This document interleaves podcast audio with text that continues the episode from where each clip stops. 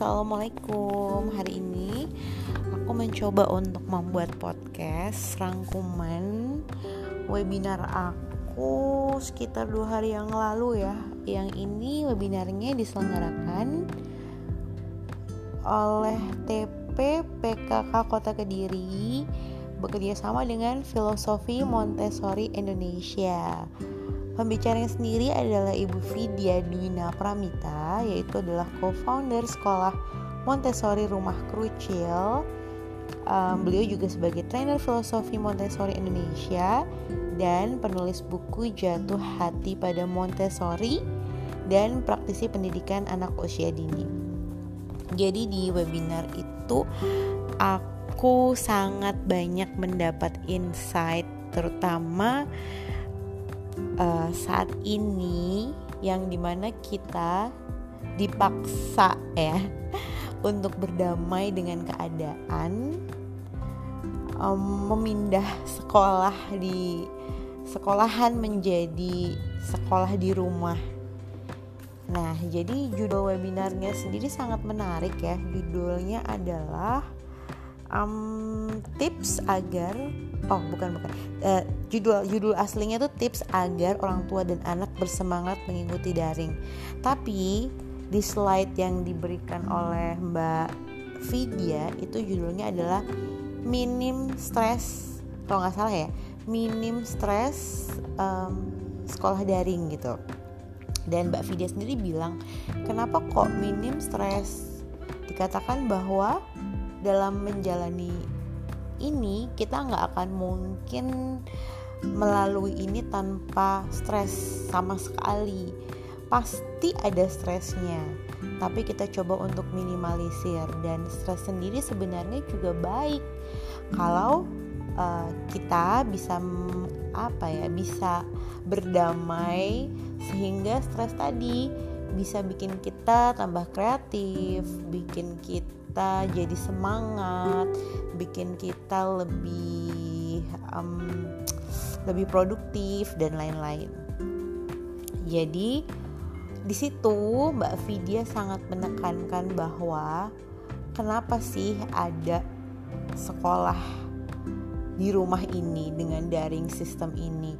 Tentu yang harus kita sadari pertama kata Mbak Vidya adalah ini ada pandemi ini ada pandemi, ada sebuah bahaya yang apabila kita lakukan sekolah itu di sekolah itu bisa membahayakan anak-anak kita dan keluarga kita. Jadi, hal yang terpenting saat ini adalah sehat. Nah, dalam kondisi sekolah daring, maka capaian pendidikan itu bukan tujuan utama sekolah gitu loh tapi dikatakan bahwa tujuan saat ini prioritas utama saat ini adalah kita dan anak-anak kita itu sehat secara emosional dan fisik. Itu dulu. Itu dulu yang harus kita um, yakinkan gitu bahwa pendidikan atau capaian pendidikan itu bisa kita capai bisa kita kejar itu nanti gitu tapi kalau sehat secara fisik dan emosional itu susah banget untuk balikinnya. Kebayangkan kalau anak kita sakit nauzubillah min zalik ya atau anak kita secara emosional itu juga terluka itu jauh lebih susah jauh lebih fatal daripada capaian pendidikan yang masih bisa dikejar itu satu hal yang digarisbawahi banget sama Mbak Vidya. Jadi pada saat kondisi seperti ini kondisi pandemi nomor satu yang harus banget kita jadikan prioritas utama adalah kesehatan secara fisik dan mental emosional anak. Nah, gimana caranya? Ya udah banyakin keruntelan katanya dia tunggu ya aku buka contekan aku dulu ya. Hmm, hmm, ya itu dia ya. Terus habis itu oh ya dalam keadaan kayak gini nih semua itu orang pasti bakal kaget kan?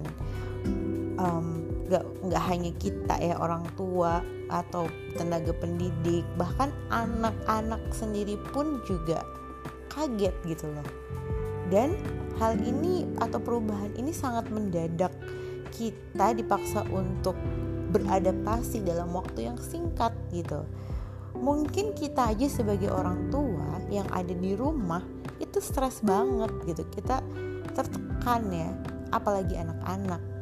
Kita mungkin bisa untuk mengeluarkan sebagian dari kita ya bisa mengeluarkan perasaan kita. Tapi apakah anak-anak itu bisa nah itu dia. Jadi mungkin saja anak-anak kita pada saat kondisi seperti ini mereka juga mengalami sebuah kondisi di mana bisa dikatakan mereka stres gitu. Kayak apa sih contoh-contohnya mereka stres? Misalnya nih uh, mereka yang bisa toilet training pada awalnya ketika sekarang atau baru-baru ini tiba-tiba ngompol atau anak-anak yang bisa makan sendiri tiba-tiba minta disuapin banyak sekali regresi atau penurunan-penurunan kemampuan anak-anak yang sebenarnya mereka bisa tapi tiba-tiba mereka jadi nggak bisa terus mereka juga punya emosi yang bergejolak sering tantrum dan sebagainya Nah, kita sebagai orang dewasa harus memiliki kemampuan observasi. Dan gimana nih cara ngadepinnya? Yang pertama disampaikan Mbak Vidya adalah um, jangan marah gitu. Jangan marah. Ketika anak stres apa kita tahan dulu emosi jangan marah. Dan coba berikan minimal 25 menit aja kualitas waktu untuk anak. Itu udah ngefek banget. Terus dikatakan juga sama Mbak Vidya ada kalimat yang uh, berbeda ya antara PJJ dan homeschooling banyak yang mengatakan bahwa ah, anak aku homeschooling nih padahal sebenarnya itu bukan homeschooling gitu. PJJ pembelajaran jarak jauh itu adalah sesuatu yang mau nggak mau kita harus lakukan di rumah. Sedangkan homeschooling itu secara sadar dan mau sukarela orang tua itu melakukan pendidikan di rumah. Itu berbeda katanya ya. Terus uh, bagaimana sih sebenarnya sistem daring ini untuk anak-anak usia dini sebenarnya kalau bisa dibilang sistem daring ini itu nggak bisa dimasukkan untuk anak usia dini. Karena anak usia dini itu punya 5 sense atau 5 um, indera yang harus dia asah semuanya. Sedangkan bagaimana mungkin gitu kan anak-anak di usia dini dipaksa untuk menatap layar handphone yang itu durasinya cukup lama gitu Bahkan WHO sendiri dikatakan anak 2 tahun pertama itu tidak disarankan menggunakan gadget at all sama sekali. Dan 2 sampai 7 tahun anak itu hanya boleh satu jam menggunakan handphone. Nah, gimana dong ya dengan pendidikan daring yang memaksa anak lebih dari satu jam? Ya kan? Jangan sampai pendidikan jarak jauh bukan bikin anak tambah happy, tambah sehat, tapi tambah stres dan terluka secara emosional. Nah, sekarang gimana caranya supaya kita bisa berdamai sama yang namanya sekolah daring? Nah, dikatakan sama Mbak Vidya bahwa hmm, anak usia 1 sampai 6 7 tahun itu sangat butuh keteraturan. Pada saat pandemi otomatis pasti kehidupan jadi nggak beratur kan karena kegiatan sekolah nggak ada jadi mungkin bangunnya siang dan sebagainya nah itu disampaikan sama Mbak Vidya bahwa anak-anak itu sangat butuh keteraturan. Jadi, hal yang pertama harus dilakukan adalah membuat jadwal. Ini pun gak harus pandemi, disarankan banget bagi kita sebagai orang tua untuk belajar bersama anak-anak membuat jadwal setiap mau tidur. Jadi, Mbak Vidya mengatakan bahwa um, anak-anak kita itu harus belajar dari dini ya untuk membuat jadwal, kemudian kemudian melakukan eksekusi dengan jadwal yang sudah ada, belajar ya, tidak harus sempurnakan dan yang terakhir adalah mereview. Dari jadwal. Dan itu dilakukan sebelum tidur sebelum membuat jadwal baru lagi untuk esok. Kenapa? Karena ini akan sangat bagus banget manfaatnya buat anak-anak kita apabila mereka besar nanti gitu loh. Karena uh, kita lihat sekarang di lingkungan kita sendiri aja kan banyak banget orang yang jago banget bikin planning tapi dia nggak jago eksekusi. Atau orang yang jago banget eksekusi tapi dia nggak jago planning. Atau mungkin yang lain dia bisa eksekusi dia bisa planning eh sorry dia bisa planning dia bisa eksekusi tapi dia nggak bisa mereview. Itu juga gak bagus kan? Maka dari sekarang anak-anak itu didik untuk bisa melakukan tiga hal tersebut. Dengan membuat jadwal. Jadi mereka bisa planning mereka bisa eksekusi dan mereka juga bisa mereview dan apabila anak-anak itu terbiasa dengan kehidupan yang teratur maka mereka lebih secure, lebih merasa aman. Sedangkan anak-anak yang tidak beraturan itu akan lebih cenderung merasa insecure. Jadi alangkah baiknya kita sebagai orang tua dan anak-anak membuat preparation dari malamnya kita bakal ngapain, kita bakal apa, dan kemudian bersama-sama belajar untuk menjalankan schedule yang udah dibuat. Nah, itu yang pertama, membuat jadwal ya, memperbaiki keteraturan. Yang kedua adalah tetap bangun pagi. Nah, ini walaupun nggak sekolah, tapi kita harus usahakan anak-anak kita juga tetap bangun pagi. Yang ketiga adalah bergerak, bergerak, bergerak, berbanyak motion creates. Jadi, um, dengan kita banyak bergerak maka banyak sekali hormon-hormon di dalam tubuh anak kita dan kita sendiri yang bikin kita lebih moodnya lebih bagus gitu loh. Mungkin kita sendiri ngerasa ya kalau kita banyak mager klimpak klimpuk klimpak klimpuk itu jadi kayak males nggak mood bete dan segala macam. Dan itu juga terjadi pada anak-anak. Jadi ketika bangun pagi kita harus bikin aktivitas yang banyak bergerak. Berlari atau bermain atau loncat-loncatan dancing apa pun itu. Pokoknya gerakan yang uh, bikin kita jadi semangat. Gitu bergerak bergerak banyak menciptakan motion creates ya.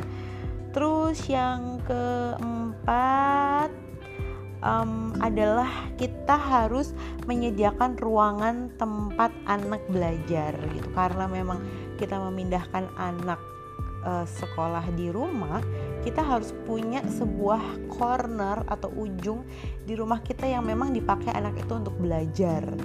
Jadi kita sediakan tempat, di situ ada jadwal yang tertempel, ada alat tulis dia. Jadi ketika dia masuk ke ruangan itu dia udah punya settingan di dalam pikirannya dia bahwa oke, okay, ini berarti aku lagi belajar gitu. Ya, dan tempat itu nyaman, dan sebagai apa ya sebuah teritori mungkin buat dia untuk um, bisa mendapatkan ilmu yang baik. Terus yang berikutnya adalah pastikan anak cukup tidur dan perutnya terisi. Ya. Yang berikutnya adalah menjaga belajar menyenangkan. Nah, ini yang paling penting banget Mbak Vidya sampaikan bahwa kita harus bikin anak-anak itu merasa senang di pembelajarannya jadi um, Mbak Vidya cerita bahwa banyak orang yang menggunakan takut menggunakan kata belajar gitu. Kita nggak belajar kok kita mau bermain. Nah menurut Mbak Vidya kenapa kayak gitu? Nggak apa-apa pakai aja kata belajar. Supaya apa? Supaya anak selalu merasa bahwa belajar itu menyenangkan. Dan rahasianya ketika mereka besar mereka tuh nggak perlu disuruh belajar. Karena mereka merasa belajar itu menyenangkan mereka akan belajar terus belajar tanpa disuruh. Jadi selalu kondisikan bahwa belajar itu menyenangkan catat ya mamis. Karena pada kenyataannya yang ada belajar itu menjadi momok yang mengerikan karena ada seorang ibu galak di sampingnya. Aduh jangan sampai ya. Saya juga kayak gitu sih cuman sekarang lagi belajar untuk menjadi uh, mama yang menyenangkan tuh katanya di enam rahasianya kalau mau anaknya gedenya belajar tanpa disuruh dan senang belajar itu di enam tahun pertama selalu buat belajar itu adalah hal-hal yang menyenangkan.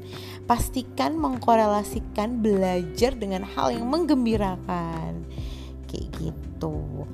Terus ada lagi nih poin penting ya setelah kita tadi sudah tahu apa aja yang harus dipersiapkan uh, ketika kita mau belajar daring supaya minim stres yang pertama buat jadwal bergerak terlebih dahulu supaya moodnya bagus bangun pagi bikin ruangan sendiri cukup tidur perut terisi bikin hal yang menyenangkan. Selain itu satu hal yang penting juga selain tadi kita ngobrolin anak-anak bahwa kita sebagai orang tua juga harus memperhatikan diri kita sendiri dulu. Karena gimana? Karena kita nih yang dampingin anak-anak. Kalau diri kita sendiri ini belum baik, maksudnya belum baik itu dalam arti dalam keadaan yang nggak baik hati, gimana kita bisa ngedampingin anak-anak, gimana kita bisa fun gitu. Disampaikan sama Mbak Vidya di webinar kemarin bahwa orang tua itu harus memperhatikan tangki cinta. Nah, apa nih? Jadi gini nih, um, setiap orang itu kalau Mbak Vidya itu boleh menggambarkan tuh punya tangki cinta masing-masing. Mungkin itu lebih kepada perasaan happiness ya, happiness yang ada di dalam diri kita gitu ketika kita suka marah-marah, ngomel-ngomel, senggol bacok, gemesan, nah mungkin aja tangki cinta kita lagi kosong nih gitu. Um, biasanya tuh gejalanya kayak psikosomatis badan-badan jadi nggak enak gampang kesel sensitif. Nah itu mungkin tangki cinta kita lagi kosong. Bahaya banget loh kalau tangki cinta kita lagi kosong. Kita nggak akan bisa ngebagi cinta sama anak-anak kita kalau kita tuh nggak juga nggak punya cinta di dalam diri kita. Maka kita harus isi yang namanya tangki cinta itu. Kita harus happy dulu ya. Jadi pastikan kita untuk cek cek terus tangki cinta kita. Gimana sih? Ada dua ya um, fisik dan mental. Kalau fisik mungkin kita harus pastikan bahwa kita tidurnya cukup kalau misalnya memang merasa kurang tidur tolong handphonenya ditaruh dulu. Bener-bener deep sleep kita harus tidur yang bener-bener tidur yang bener-bener ngilangin capek banget. Mungkin bisa minta bantuan sama suami sehari ini aku istirahat tidur dulu ya kayak gitu ya. Atau mungkin minta dibantuan ke orang tua atau ke mertua gitu. Terus uh, stretching mungkin banyak berolahraga juga kayak kalau aku nih ya biasanya olahraga buka YouTube terus nari-nari-nari gitu tuh uh, enak banget di badan. Terus makan makanan yang sehat juga karena ternyata makanan pun juga sangat berpengaruh terhadap emosional. Kurangin junk food banyak makan sayur dan buah.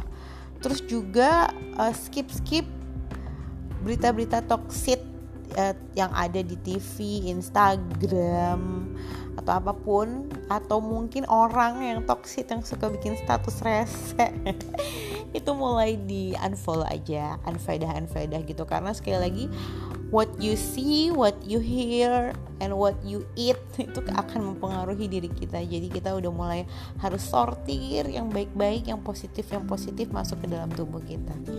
Terus untuk emosional, yang pasti manajemen stres yang baik. Terus um, ada luka yang belum selesai di masa lalu itu juga harus diselesaikan harus dikeluarkan emosinya dimaafkan banyak-banyak memaafkan.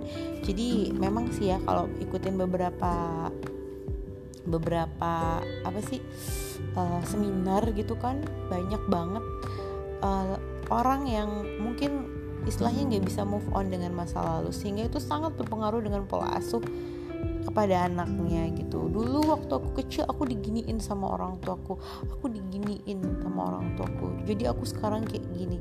Nah itu berpengaruh banget sama pola asuh kita terhadap anak-anak kita. Jadi untuk bisa hmm, menata atau merawat masa depan anak-anak kita dan suami ya kita mulai dari menyadari hal itu dan memaafkan masa lalu. Terus apalagi um, oh ya terus juga menghilangkan sifat nggak enakan. Kadang-kadang tuh uh, sifat-sifat nggak enakan ini bikin kita juga capek secara emosional gitu ya. Dikatakan Mbak Vidya banyak orang yang nggak bisa nolak dan itu bikin capek hati. Cobalah untuk belajar untuk menolak. Terus membuat support system yang baik pertemanan yang sehat dengan teman-teman um, komunitas sharing tentang parenting. Jadi kita merasa punya teman seperjalanan yang bisa dipakai sebagai sahabat untuk bertukar pikiran. Terus apalagi ya? Oh ya me time. Me time itu juga penting buat diri kita. Me time nggak perlu harus yang mahal. Mungkin ada me time kita cari me time me time yang secara cepat membuat kita jadi moodnya baik. Mungkin mandi air anget makan makanan atau nonton Korea. Kayak gitu ya.